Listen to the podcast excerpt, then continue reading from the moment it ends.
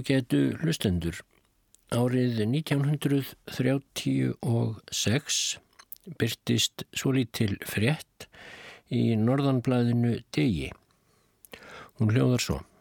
Fyrir nokkuru síðan byrtist stutt útvarpsfrétt um hlaupaafreg er sjötugur Íslendingur í norður Dakota í Bandaríkunum Gunnar T.H.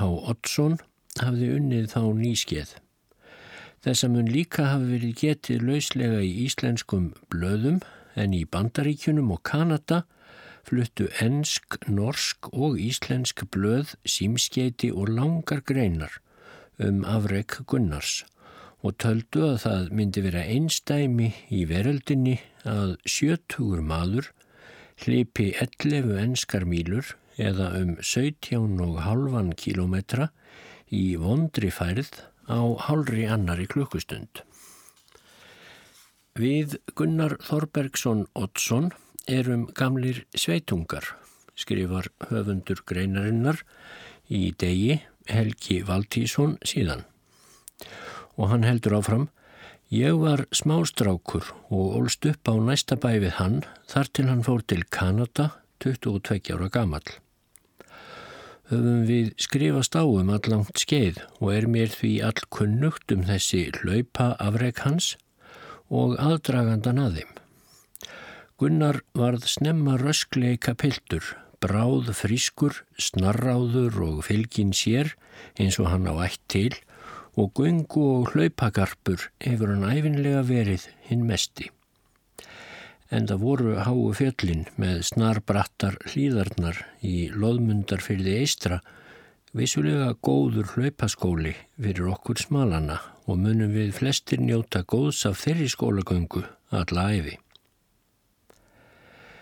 Ég bað því Gunnar að segja mér nánar frá þessu hlaupa afreiki sínu sem nú hefur komist í blöðin Vestanhafs og skrifaði hann mér meðal annars á þessa leið. Ég flutti til Norður Dakota árið 1925 frá Manitoba í Kanada og byggum við hjónin í eigin kofa á landi annars manns.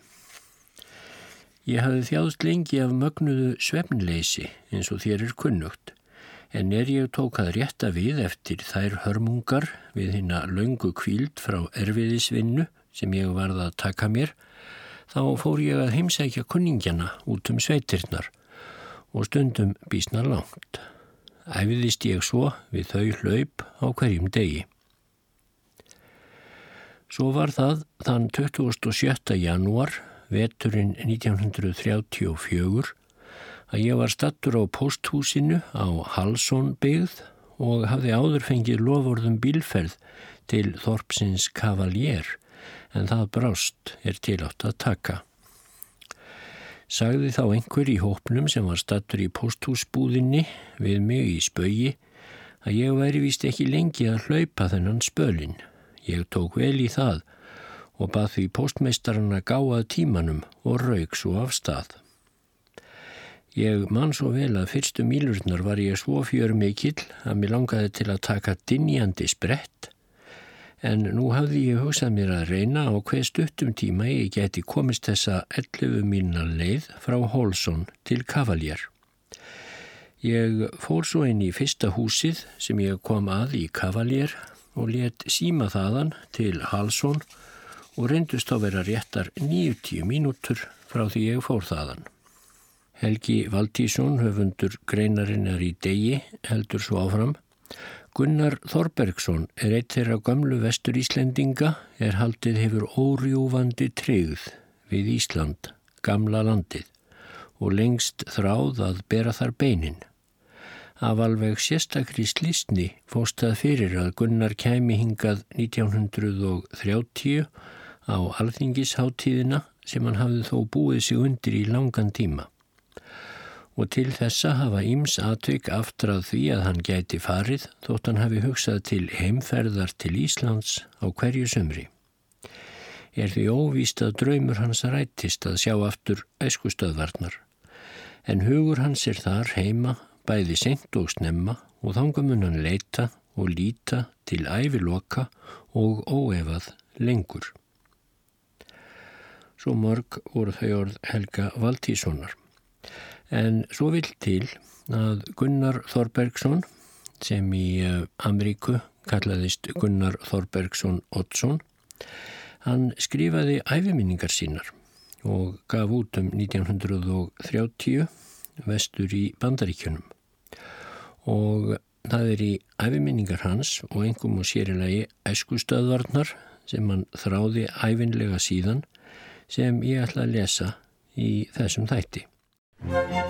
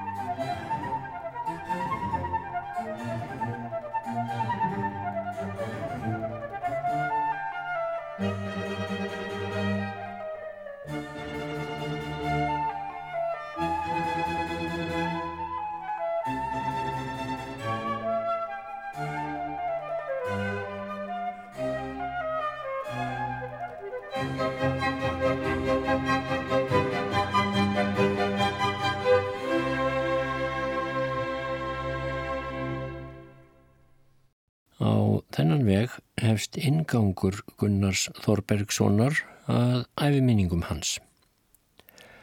Þótt ég taki nú penna í hönd til að rita ferðasögu mína yfir lífshafið þá finn ég vel að mig vantar flest af því sem nöðsynlegt er við rittstörf. Mentun hef ég enga. Íslenska tungu kann ég ekki að rita líta laust, hvorki málfræðis nýja hugsunarfræðilega. Það sem kemur mér til að skrifa upp helstu atriði úr lífi mínu er það að nokkur góðkunningjar mínir hafa kvart mig til þess eftir að hafa heyrt sumt af því sem fram við mig hefur komið á æfinni og sagt að það væri vel þess verðt að láta það byrtast í söguformi, engum þar sem nú er farið að týðkast að menn reyti æfisögur sínar. Auðvitað líta margir svo á að æfisögur fátækra alþýðumanna séu ekki þess virði að rita þær eða gefa út, hafi þær ekkert bókmentalegt gildi. Getur það satt verið að sömu leiti, en þó getur lífsreynsla annars haft að í sér fólkið er aukið getur skilningmanns á lífinu eftir því sem maður sérðað frá fleiri hlýðum og kynist betur þess markbreyttu myndum, þá lærir maður meira kemst herra í fjölfræði skóla mannlífsins. Vel veit ég það að í söguminni er ekki um neina stórviðburði að ræða. Engar stjórnmálariskingar eða umbóta byltingar, engin spennandi ævintýr eða glæsilegar ferðarlýsingar um hinn sólríku söðurlönd. Nei, ekkert þess áttar aðeins heima unnin almúgamanns störf, sókn og vörn í baráttu hans fyrir eigin tilveru við öflun náttúrunnar og erfiðleika lífsins. En þegar öll gurl koma til gravar er lífsaga verkamannsins engu síður merkileg og hefur eins mikið gildi og sumra hinna stærri manna sem ekki lifa nýtsömu lífi. Sumum kann að þykja að í þeirri frásögn sem hér fer á eftir ber ég sjálfum mér of vel söguna, að þar kenni ég vel sjálfhælni. Mitt álitir þó að maður megi láta sjálfan sig njóta sannmælis, ekki síður en aðra. Og í þeirri von að þessi rýtsmíð mín verði vægilega dæmt þá fyrir almenningssjónir kemur er sagan rýtuð fyrir partur á Íslandi. Ég er fættur í Nes hjálegu í Lóðmundarfyrði í norður Múlasíslu 7. janúar 1865. Fóreldrar mínir voru Þorbergur Guðmundsson og Guðbjörg Augmundsdóttir. Ég var á öðru ári er fadur minn dó. Vorum við sískininn sex, þrýr piltar og þrjár stúlkur. Augmundur bróður minn dó 12 ára gammal, hinn sískinni mín eru öll á lífi þegar þetta er ritað. Jörðin sem foreldrar mínir byggu á var bæði til sjós og lands sem þá var kallað. Lóðmundarfjörður, eins og flestir fyrðir á Ísturlandi, liggur frá Ísturi til vesturs, líka há og brött fjöll aðunum begja megin. Undirlendi er talsvert, engum að norðan og eru flestir bæirinnir þeim megin. Austasti bærin þar var heimili mitt, nefnilega Neshjálega og svo hinnir bæirinnir í þessari röð Nes, Seljarmýri, Stakkalíð, Klippstaður, Úlfstaðir, Barðarstaðir, Sævarendi við fjardarbotnin, Hjálmarströnd, austur með sjónum að sunnan. Eftir látföður míns held móður mín áfram búskap en margir munu erfiðleikar hafa verið fyrir hann að fleita sér áfram með barnahópin. Hafði hún nokkur ár vinnumann eða ráðsmann þar til Jóhann bróður minn sem elstur var okkar bræðra gæt tekið við búsfárráðum með henni og þá fór allt að ganga betur. Lifnaðarhættir og sveitarbragur munu hafi verið svipaður í loðmundarfyrði sem annar staðar á landinu í þann tíma. Aðal landvinna á sömrum var heiskapurinn, haust og vor, viðgerð húsa og byggingar. Á vetrum, fjárhyrðing og tóvinna er allir tóku þátt í á kvöldin eftir að sest var að. Rökkursvefn var þá almennur síður, sjaldan tókum við unglingarnir þátt í honum. Höfðum við þá eitthvað til gamans, svo sem að segja sögur, bera upp gátur, setja á skip og svo framvegis. Skip er komið að landi, hétt annar leikur, við kváðum stá og höfðum yfir þulur sem við kunnum mikið af og margt fleira. Þótt ekki væru þetta stórfenglegar skemtanir höfðum við krakkarnir margar ánægjustundir af þeim og annað sem þær veitt okkur var skerping hugsana og ímyndunaraflsins.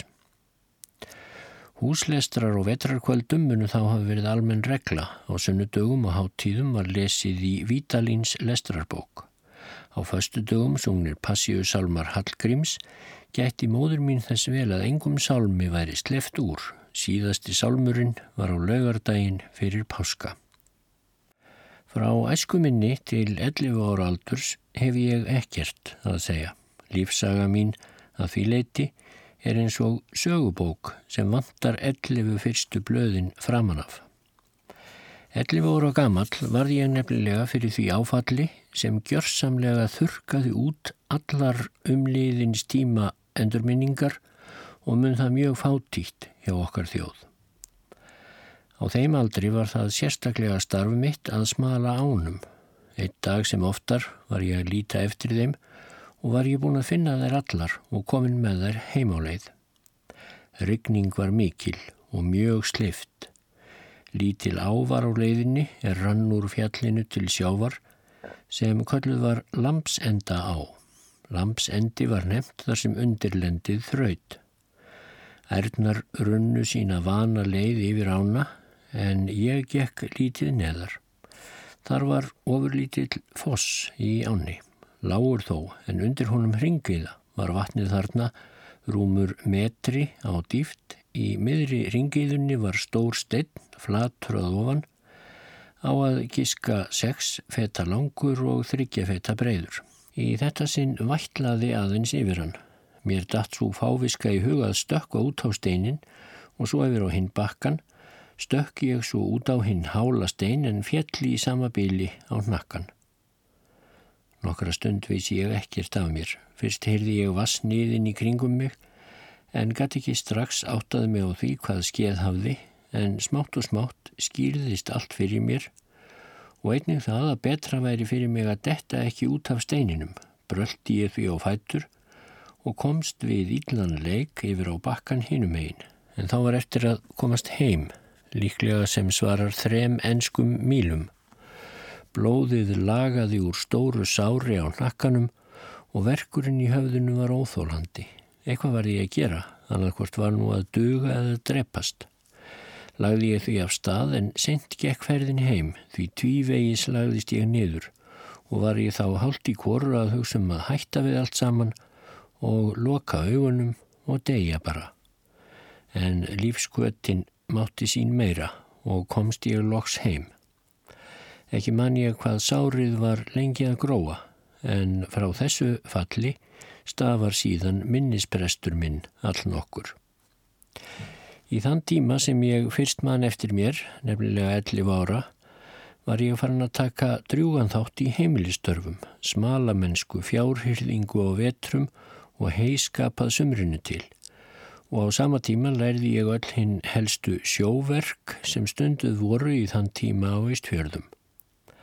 Mátti heita að lands- og sjóarvinna væri rekin jöfnum hendum mikinn part ársins. Ég lærði barnungur að róa, beita lóð og renna handfæri og förðu fljótt að haga seglum þótt ungur væri, en það hafði ég góðan kennara þar sem Jóhann bróður minn var, því hann mátti heita afbræðs sjómaður og stjórnari hinn besti. Af öllum störfum sem ég tók þátt í, hygg ég að mér hefði þótt sjóvinnan skemmtilegust, en það eru sjóferðirnar mér minnistæðar og hlínar mér oft í huga þegar ég minnist þeirra. Vil ég nú skýra frá því helsta sem við kemur uppvakstar árum mínum en því miður verður það í mólum og viðburða röðin eftir vil ekki nákvæm. Lýsingu á sjálfum mér ætla ég ekki að reyta því hættir við að sömur heldu hlutrækni í því efni skal ég þó geta þess að ég mun hafa haft líkamlegt atgerfi í góðu meðalægi, fráleika og skjóta reyfingar í betralægi og hlaupa og gönguðhól efvel í bestafalli. Fljót huga og örgeðja mun ég snemma hafa verið og eigmir enn eftir af þeim eðlis einkennum og hafa þau átt talsverðan þátt í hugsunum mínum og aðtöfnum á lífsleið minni eins og reyndar flestra manna. Um barnabrek og æsku ævintýri hef ég lítið að segja eins og gefur að skilja samkvæmt því sem sagt er um áfall mitt hér að framann þegar þurkaðist út minni mitt frá fyrstu 11 orunum. Og svo voru frístundirnar fáar fyrir unglinga á þeim tímum því snemmaðurðu þeir að fara að létta undir við heimilistörfin og vinna það sem hver var fær um hjá fátækri ekju með hóp af börnum.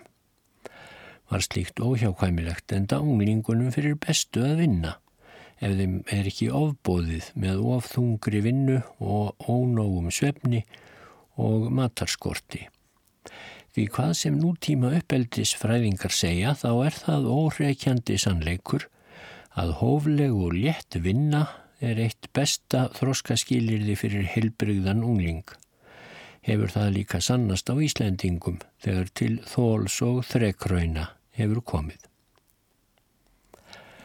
En þrátt fyrir stöðuga vinnu á sjó og landi hafði ég þó marga glada stund á unglingsárum mínum.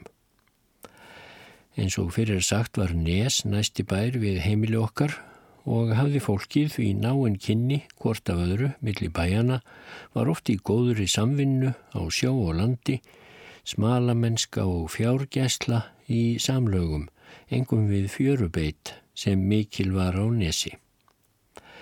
Líka var oft lagt saman á eitt skip frá báðum bæjunum til fiskiróðura og hákallaveiða.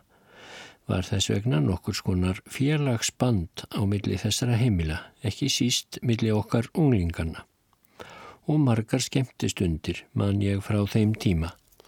Ofta á fagrum vetrarkvöldum fórum við unglingarnir þegar tunglskinn var upp á bæjarkletta sem þá voru nefndir og var þá glatt á hjalla hjá okkur. Þá var líka oft gott tækifæri til að sína list sína á skýðum sem mikið var þá æfð og voru sum okkar bísna góðir skýðamenn. Stundum höfðum við smá dansleika með harmoníkuspili þótti það ættíð góð skemmtun. Á vetrum voru spil almenn skemmtun sem flestir tóku þátti á helgidagskvöldum og þá má ekki gleima henni þjóðlegu og fræðandi síðvenju að segja sögur og lesa rýmur á hennum laungu vetrarkvöldum. Þá las eða hvað einhver sem best var til þess fallin en aðri sátt við vinnu sína og hlustuðu á með ánægi og aðtikli. Var þetta einhver hinn guðvugasta og áhrifaríkasta skemmtun sem nokkur þjóð hefur haft og vafalust hinn allra praktískasta. Fólkið vann á sama tíma með alúð, fekk hugnæma skemmtun og viðtæka fræðslu sem örfaði hugsun þess og skerpti ímyndunaraflið allt á sama tíma. Fyrir þennan merkilega síð er það að íslensk alþýða er andlega þroskaðri en almennt gerist hjá öðrum þjóðum. Fráfærurnar á vorin þótti okkur krökkunum heilmikil tilbreyting frá vanalegum störfum. Máttu því teljast með skemmtunum okkar en ánægjan sem við höfðum að þeim var þó beiskju blandin því við vorkjendum lömbunum svo mikið þegar mæðurnar voru teknar frá þeim. Man ég sérstaklega eftir einu skipti. Við Þorbjörg sýstir mín áttum að líta eftir lömbunum þegar ærnar voru teknar frá. Við vorum vist nokkuð ung þá, töluðum við mikið um það hvað lömbin ættu bátt að missa svona mæður sínar allt í einu tók okkur sárt hvað íllaðu í báru sig. Engum var það eitt lamp sem jarmaði í sífellu mjög ángistarlega og held sig frá hinnum. Kendum við svo mikið í brjóstum það að við fórum að lokum að skæla. Náðum við lampinu og reyndum að hugga það með því að strjúka það og kjassa því bljúger bars löndin. En ekki tók lampið gleði sína. Eitt sinn satt ég yfir ánum að nóttu til upp í svolemdum dal. Ég held að það hafi verið fyrsta yfirsetta mín. Drengur sem hjá okkur var liði mér ljómandi fallegt vasa úr um nóttina, þótti mér það ekki lítill fengur. Mér fannst það svo mannalegt að hafa úr upp á vasan eins og flestum drengjum í þá daga. Oft þurfti ég að líta á úrið um nóttina og skoða festina sem var ekki síður aðdáanlegi í barsögum mínum. Þar við bættist að veðrið var indislegt. Þegar sólinn kom upp um morgunin fannst mér náttúran eða það af henni sem ég sá í kringum mig vera guðdómlega fögur. Ærnar lágu rólegar stutt þaðan sem ég satt, ánægulega sattar og jórtrandi, föglarnir syngjandi, hver með sínu nefi, lóan með sitt unaðs blíða verðarlag, dirrendi, sem Jónas Hallgrímsson hveður um svo aðdáanlega, Já, íslensk náttúra er óviðjafnanleg. Fjárhyrðing hafði ég á hendi, meir og minna, meðan ég var á Íslandi. Örðugar og langar smalagöngur á sumrum fylgdu því. Við það æfðist ég að hlaupa, varði ég því frár á fæti og eftir því þólinn. Við vorum oft saman á veturna með fjö okkar, smalinn frá Nesi og ég út á fyrirnemdu landsenda fjalli. Það var Sigfús Sigfússon, sagnfræðingur, nú þjóðkunnur maður. Oftast var hann þá með einhverjar bladaskræður sem hann var að grúska í. Ég mun hafa verið nokkuð ungur þegar ég eitt sinn var að smala í krapa veðri, voru hestarnir á vegi mínum. Af einhverjum orsökum komst stigðað hestunum og hlupu þeir yfir læk sem var þann nálegt. Eitt rossið sem var í hafti datt á bakkanum og rann á hliðina ofan í lækin því mjög var slift af snjóbleitunni en hólbakki var hínum einn og lendu framfættur hrissunar innan undir honum og lágum þarna á hliðinni og vatnaði næstum yfir hana en höfðinu held hún þó upp úr vatninu. Stökk ég ofan í lækinni því skyni að hjálp henni til að fóta sig en árangurslaust var það. Ég var of kraftalítill til þess. Datt mér þá í hugarinn að losa haftið af henni, seildist því innundir bakkan og gata aðeins náð til haftsins en hafði þá engan nýfin. Stóð ég nú þarna ráðþróta, skælandi yfir vanmætti mínum að geta ekki hjálpað auðmingjaskefnunni, en ómögulegt er mér af einhverjum ástöðum að muna hver endir varð á þessu. Ég man það þó að hrissan lifði lengi eftir þetta, svo ekki hefur hún farist. En við atvik þetta hétt ég að vera aldrei vasanhýfslaus og það hef ég emt. Ég mun hafa verið 13 ára þegar ég fekk annað stórt áfall sem án Eva hefur haft skadalega áhrif á taugakerfi mitt. Eitt dag að áliðinum vetri vorum við Jóhann bróður minn á rjúpnaveiðum í fjalli því sem er norðan megin fjardarins. Fjall þetta er bæði bratt og hátt. Þar sem við vorum staðir er landslægi þannig háttað að upp frá sjónum eru háir hamrar. Upp af þeim tekur svo við snarbrött hlýð og í henni er klettabelti einnig mjög hátt og upp af því kletta laus hlýð en brettan hinn sama. Er hún nefnd efri hlýð en neðri hlýð neðan við klettabeltið. Þegar harðfenni er í hlýðum þessum eins og var þennan dag, þá er þar ógangandi með öllu nema á hjarnbrottum og er það þó ekki hættu laust því skrikað getur manni fótur þótt á hjarnbrottum sé. Báðir höfðum við hjarnbrotta eins og sjálfsagt þótti ef gengið var í fjöll á vetrum. Við vorum stattir ofarlega í efri hlýðinni þegar við sáum nokkrar rjúpur í grasgeira við efstu brún. Segir þá Jóhann að ég skuli býða beint niðrundan þar sem rjúpurnar voru og reyna að grípa þá sem ofan veldi. Tók ég mér því stöðu þannig að ég lagðist á annað hnið en með hinum fætinum festi ég hjarnbrottin í fönnina til að hafa viðspyrnu. Sá ég nú bróður minn skjóta og eina rjúpu velta niður í áttina til mín en þó oflítið til hliðar varð mér þá svo ógætni að seilast eftir henni en við það færðist ég úr þeim stellingum sem ég hafði sett mig í og í samabili misti ég hérna litlu fótfestu og rapaði niður snar bratta fannina. Þegar ég nálgæðist klettabrúnina taldi ég mér dauðan vísan. Greip mig þá skjelvingarblandin kvíða hryllingur við hugsuninu um að koma niður og um leið og ég kastaðist fram af brúninni rak ég upp æðislegt ángistaróp sem ég aldrei gleymi sjálfur og sem ættíð ómar fyrir eirum mér þegar ég hugsa um þetta hræðilegasta augnablík æfiminnar. Samað er um Jóhann bróður minn að segja að hann segist aldrei gleyma því ópi. Eftir ég gaf frá mér þetta hræðilega skjelvingaróp þá vissi ég ekki af mér sem þó hefur verið ef til vill nokkrar mínútur. Þegar ég svo fekk meðutunduna aftur var ég rólegur og ekkert hrættur, vissi vel hvað skeið hafði og gæt með stillingu yfirvegað ástand mitt og á hvaða undraverðan hátt ég hafði bjargast úr annari eins lífshættu. Fór ég nú að líta kringum mig, sá ég þá að ég hafði stöðvast örfá fett frá flugbrúninni á áðurnemdum sjávarhömrum Þar sem ekkert vangjalust dýr er fram af þeim fjalli gæti komið lifandi niður. Örlítill snarrótar toppur er upp úr snjónum stóð hafði stöðað mig. Þannig hafði ég rapað niður mest alla efri hlýðina, fallið fram af mjög háum klettum, haldið svo áfram ofan alla neðri hlýðina og loks stöðvast á fremstu brún hinn að ægilegu hamra. Allt þetta rendi ég augum yfir á fáinum augnablikum þar sem ég lá.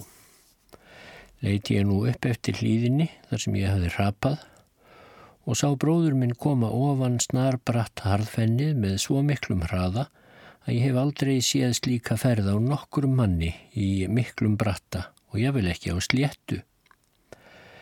En þótt Jóhann væri flestum mannum frári á fæti virtist mér slíkur hraði engum manni mögulegur og sínur þetta hver undravert afl og óttaleysi, æðislegar hugarsveiplur og umráð tilfinningana geta valdið á slíkum stundum sem þessari. Þarna kom hann brunandi og lagðist niður hjá mér og vafði mig að sér með þeim innileik og viðkvæmnis alúð sem sjaldan kemur í ljós hjá ungum og hraustum kallmanni nema við óvanalega atvik lík þessu en það mun honum ekki hafa liðið neitt betur en mér að undanteknum meðslunum. Ítla var ég útleikinn þar sem ég lá, hvoru tvekja buksur mínar voru dregnar saman í harðan hnútum öklana, hef ég að líkindum snúist við á ferðinni og öll uppihöld slittnað og föttin svo dreyist saman á hruvóttu harðfenninu, þótt okkur hugsaðist það ekki þá. Meittur var ég mikið en hverki beinbrottin líklega. Skinn og hold eins og skafið af öllum fingrum, rispaður víða og næstum allur ataður blóði. Samt gæti ég stöylast á fættur og með tilstyrk bróður míns dreyist burt frá þessum ömurlega stað og komumst við klakklaust og slísalust upp á fjallið. En þegar við vorum nú komnir úr allri hættu og ég leiti niður fjallið, Þá greip mig svo mikill skjelvingar hollur að ég skalf sem hrísla og grét langa stund. Oft hefur mér vist ég finna almættis hönd drottins að verki við ímis alvarleg atvik lífsmýns en aldrei eins greinilega og í þetta sinn. Á heimliðinni talaðist svo til milli okkar bræðra að við skildum leina móður okkar því hvar við vorum stattir þegar óhaf þetta vildi til en seginni að ég hefði rapað í heimafjallinu þar sem undirlendi var og hættan ekki nærri eins ægileg. Þessa ákvarðun tókum við af þeim ástæðum að tvö sískinni móður okkar höfðu farist í þessu fjalli, rapað fram af fyrirnemdum sjávarhömrum, einmitt fáum fetum frá þeim stað þar sem ég staðvaðist á. Og hafði móður okkar sagt okkur frá því í slísi og líst henni átakanlegu hörmungar sjón þegar hún sá lík þeirra sískina, mulinn og sundur tætt. Og hefur hún vafalust oft verið búin að vara okkur við að það far ekki ógætilega í fjalli þessu en fjörugum unglingum verður ofta á að gleima varnaður orðum hinn eldri. Við þóttumst vissir um að móður okkar erði minna um að sjá mig svona út leikin ef við segðum fyrirnemd ósanindi en vel man ég samt hver sárt mér langaði til að segja henni allan sannleikan meðan ég lá í sárum mínum og grétt ég ofta því í kyrþei. Mér fannst sem ég væri að svíkja skildu mína að bera vittni um handleiðslu drottins á mér í henni ægilegu hættu. Síðan ég tók svo að eldast og fór að hugsa meira um lífið og ymst þess óteljanlegu fyrirbreyði þá hefur mér oft komið til hugar að ekki muni ólíklegt að hinn dánu móðursískinni mín hafi átt einhvern dularfullan þátt í björgun minni einmitt á þeim stað þar sem þau mistu lífið á svo hryllilegan hátt. Þriðja áfallið fekk ég á þessum unglingsárum mínum sem að dómi lækna hefur víst skadaði líkamsheilbriði mína þó áhrifin kemur löngu setna í ljós eins og síðar mun getið verða. Eitt lögardag vorum við bræðurnir að slá í svokulluðu hesthústúni. Það var síðar hluta dagsins. Fekk ég þá verkjarsting undir síðuna og þóldi ekki að slá lengur. Segir þá bróður minn að ég skuli fara heim og leggja mig fyrir ef verkurinn kynni að líða hjá.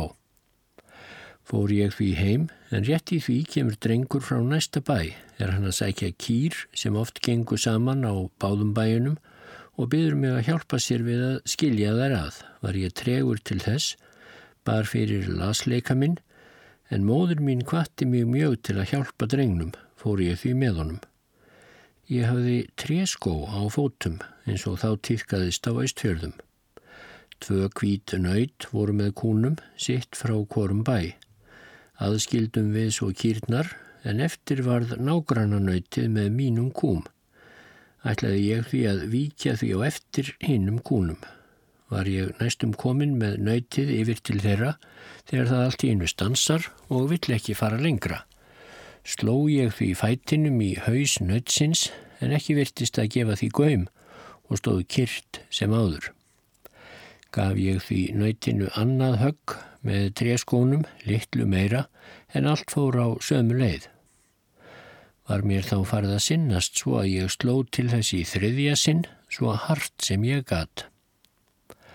Hafði það þau áhrif að nöytið mjakaði sér lítið eitt aftur og bakk eins og til að færast í aukana og rann svo að mér í einni svipan. En um leið greip ég um eira nöytsins og rendi mér aftur með síðu þess en svo var vonskan og ákjæfðin mikil að það eins og kastaði sér til hlýðar og vald á mig ofan en reist þó í sama vetfangi upp aftur svo snögt að ég hafði ekki tíma til að komast á fæturna. Byrjaði það svo á nýjanleik en allt fór sem áður hvað eftir annað. En nú fyrst áttaði drengurinn sig sem með mér var og atti þremur hundum sem fylgd okkur að nautinu. Eitt er að vara útlendu kyni og kallaður þráinn mjög vitur dýr og mætti marga sögu segja um dugnað hans og skín. Þegar hundarnir komu æðandi, yfirgaf nöytið mig. Ekki var ég mikið mettur, en máttlaus var annar handleikurinn, en tilfinningar mínar höfðu komist í svo mikið uppnám að ekki er auðvelt að lýsa. Engin hræðsla hafi gripið mig í venjulegum skilningi. Aftur á móti eitthvert óskiljanlegt heftar æði og hemdar löngun virtist hafa altekið mig. Þegar drengurinn kom til mín spurðar mig hví ég væri með hálfopinn nýf í hendinni.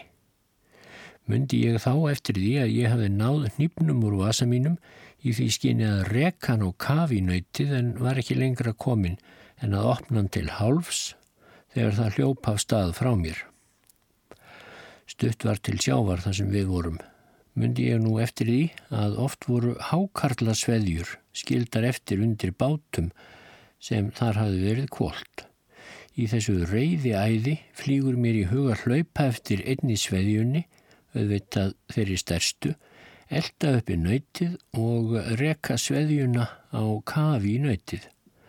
Svo var æsingurinn mikill að það eitt fannst mér geta svalað hemdar þráminni. En þegar tilátt að taka voru sem betur fer engir nývar undir bátunum og mátti ég svo snúa við við svo búið. En ítla leið mér meðan þetta öldurót geðsræringana var að læja. Þetta sama kvöld lagði nöyt þetta þrjá fílölda kallmenn undir sig svo æst varðað orðið en var svo drepið daginn eftir. En af mér er það að segja að ég varð aðkoma heim án þess að hafa komið fram henni þráðu hefnd en slæmar urðu afleiðingarnar eftir á. Næstu nótt kom mér ekki dúra á auga, svona gekk það í tólf nætur. Ég festi aldrei svefn. Að missa allan svefn í tólf nætur er svo einkennilegt og lamandi ástand að engin veit hvað það er nema reynd hafi. Í svefleysis ástandi þessu kom ímislegt fyrir mig sem sínir vel hvað undarleg breyting getur orðið á skinnjana og tilfinningarlífi mannsins þegar jafnvægi taugakerfisins fer úr lægi. Eins og Herman Jónasson lýsir svo vel í sinni ágætu bók Dalrúnum. Baðstofan á heimil mínu var á palli sem kallað var og stíi við uppgangin. Rúmið sem ég lág í var í söður enda hennar. Úti var húsaskipan þannig, gablar húsana snýru allir til söðurs að sjónum, austast var fjós, næst eldhús, bæjardýrahús sem kallað var svo skemma og fleiri hús, vestast var stór og vönduð heilaða. Lítið vestar var bæjarleikurinn, er svo var nefndur. Við hann fáum föðmum ofar stóð vassmilla, þar var kornið malað. Þar sem ég lá nú í rúmi mínu þá sá ég allt þetta umhverfi eins og ég væri stattur úti. Einu sinni sem oftar kom móður mín að rúminu til mín og fór mjög hljóðlega. Sagði ég henni að hún þurfti ekki að fara svona hægt, ég svæfi ekki og spurði hvort ég ætti ekki að segja henni frá ímsu undarlegu sem bæri fyrir mig. Svaraði hún ekki öðru en því að ég skildi ekki vera að þessu ruggli. Við áttum kvítan hund með svartan ringum hálsin sem ringur hétt Ég sá hann nú glögt þar sem hann kom utan af túnni og fór inn í bæin alla leið að stiga sem lág upp á pallin, þóttu mér slíkt förðu gegna.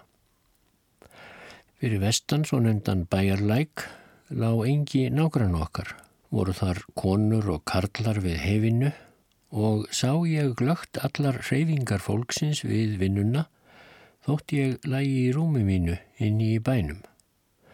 Einn mannin sá ég stinga niður orfi sínu. Það var Valtýr Valtísson, fadir Helga Rittvundar í Reykjavík. Sá ég að Valtýr kemur rakleitt heim til okkar. Segi ég þá við móður mína sem satt hjá mér, mamma lít út um gluggan og sjáðu hvað hann Valtýr er að koma. Gerir hún þetta en segir síðan hvernig ferð þú að því að sjá þetta, bann, liggjandi í rúminu með aftur augun. Mart fleira bar fyrir mig líkt þessu meðan ég var þannig á mig komin en ég lætt þetta næja. Lóksins var sendið læknis og meðulfengin. Menn það valla hafa mátt dragast lengur, ræði ég það af því Að sama daginn var ég að rangla úti við og var þá sem skærir ljósglampar svifu í sífellu fyrir augum mínum. Einnig var ég mjög máttfarin. Um kvöldið komu meðulinn. Eftir það fór mér að smá skána en þó ekki betur en svo að litlu síðar varði ég að leita lækningar til Sigbúsar Magnússonar á Grenjaðarstað. Var ég hjá þeim feðgum þar allangan tíma og var ég orðin mikið til frískur þegar ég fór heim. Sagði sér að Magnús mér um leið og ég kvattan að hrættur væri um að sveppleysi myndi ásækja mig þegar fram á æfina kæmi og sönn reyndist tilgáta þessa higna manns því sveppleysi hefur verið mitt þingsta böl á lífsleiðinni eins og síðar mun verða vikið að. Í sambandi við framanskráða viðurregn mína við nöytið og afleininga hennar vil ég og geta tekja aðtöka frá esku árum mínum sem nöytum kemur við. Það var ekki einstæmi að nöyt væri manník á Östurlandi þegar ég var að alast upp og skal ég tilfæra eitt dæmi þess. Þá var síður að reka nöyt á afrétt til beitar um sömartíman Milli loðmundar og seyðisfjörðar er afarhátt fjall. Austan við fjall það niður við sjó er flatlendi sem kallað er Borgarnes. Upp frá því gekk Klettatangi, nefndur Borgarnes Tangi. Var hann hátegismark heimilisokkar neshjálegu. Fjallið smá hækkaði eftir því sem vestar dró, beint í söður frá neshjálegu er það hæst. Þar er hnúkur líkt og hestur með söðli og er hann nefndur drangaskörð. Á fyrirnefndu borgarnesi voru nöytin höfð. Þau voru oft mörg og voru þau stundum flutt á skipi yfir fjörðin þegar áþurft að halda. Eitt sumar leik orðrumur á því að sum nöytin í hjörðhessari væru manni og íll. Jóhann bróður minn þurfti þá eitt sinn að skreppa til seyðisfjörðar og var honum ráðulagt að fara ekki þessa leið sem þó var hinn stista vegna nautana en hann var ekki á því að láta þau hindra sig frá því að fara skemstu leið. En áður en hann fór smíðaði hann ottkvassan flein og setti duglegt skaft á. Lagði síðan á báti yfir fjörðin, fórum við tveir með honum og hleyftum honum á land í borgarnesi. Nautin voru tölvert innar á nesinu þegar við komum þar eru í hlýðum fjálsins miklar lausaskriður. Jói bróðir heldur nú yfir sléttuna og upp í fjallið hefur víst þótt óhulltara að vera í brettunni ef óvinna yrði var. Ekki var þess heldur langt að býða að nöytin sæjan. Þurfti þá ekki að sökum að spyrja. Þrjú af nöytunum lögðu þegar af stað á eftir honum með blóti og líklega formælingum. Nöytin fóru svo hart að undrum sætti Jóhann herti því gangin til að komast í meiri bratta áður en nöytinn næðunum. En lausagrjótið tafði mjög fyrir honum þegar það rann nýður við hvert spór. Nöytinn gerðu eðlilega dýpri spór og unnu því betur á. Sér nú Jóhanna heldur dregur saman með þeim, eittu nöytið virtist olmara og fótkvatara en hín og var það nú komið nærrónum. Stansar hann nú og býður þess sem verða vill og tvíhendir vopn sitt. Þegar bóli er komin rétt á þunum, rekur hann fleinin í krúnu tutta, kemur þá hík á nöytið augnablík, en áfram vildi það samt. Let nú Jóhann skamt högga á milli, stingur látlaust þangu til blóð rann í bæði augu nöytsins. Let það þá loksins undan síga og sneri nýður hlýðina með félögum sínum sem beðu höfðu neðar og ekki sótt fram á meðan á einvíi þessu stóð. En það sagði Jóhann síðar að ljótur og æðislegur hefði svipur bóla verið þegar hann snýri undan. Ekki var annars vart en sárnautsins hefðu gróið en það stakk bróður minn aðeins í krúnuna sem ekki er veik á þessum dýrum. Í sambandi við þessa nautasögu og flutning þegar yfir fjörðin verði ég að minnast á smá atvik sem gerðist við þessa flutningsferð þá mun ég hafa verið nokkuð ungur. Það þurfti þá að flytja tvö nöyt, sitt frá korum þessara oftnemdu nesbæja, var brúkað fjóramanna far og nöytin bundin látin sitja í skipinu. Hínum einn fjörðarins var pláss sem nefndir Hjálmarströnd og þangað var ferðinni heitið. Mér var lofað að fara með og þótti mér það regluleg skemmtiferð. Allt gekk vel uns við nálguðumist landið hínum einn. Var þar útgrinni mikill og ekki gott að lenda á hálf hlöðunu skipi. Átti að setja bólana úr bátnum nokkuð frá landi og láta þá synda til lands. Var nú annar þeirra listur og honum veldi í sjóin, gekk það vel og syndi bóli beint til lands og fórst honum það vel var svo hinunautinu völd í sjóin en í staðin fyrir að leggja beint til lands syndir það kringum skipið hvað eftir annað. Lóks var hægt að berja það frá skipinu. Kendi ég þá í brjósti um nautið. Nú snýrði það til lands en þá tóku ekki betra við. Hér um byrj 10 til 15 faðma frá landi var lítið sker sem flöyti yfir öðru hverju. Sér nú nautið sker þetta, syndir að því og ræðist til uppgöngu. Skerið var slétt og því hálft sem gler en að dýpi. Þegar nöytið var komið með framfætturna upp á skerið, rann það niður aftur og þá auðvitað í kaf. Þessu helt bóli áfram lengi og voru piltarfarnir að óttast að bóli ætlaði að drepa sig þarna á skerinu. Lóks gafst hann þó sem betur fyrir upp við þetta árangurslösa þóf, lagði til lands og syndi þá knálega undruðust allir hveð þólinnan var eftir þessa miklu áreinslu. Eftir að ég sá hveð góðan enda þetta hafði, var ég gladur að hafi verið sjónarvottur að þessu æfintýri.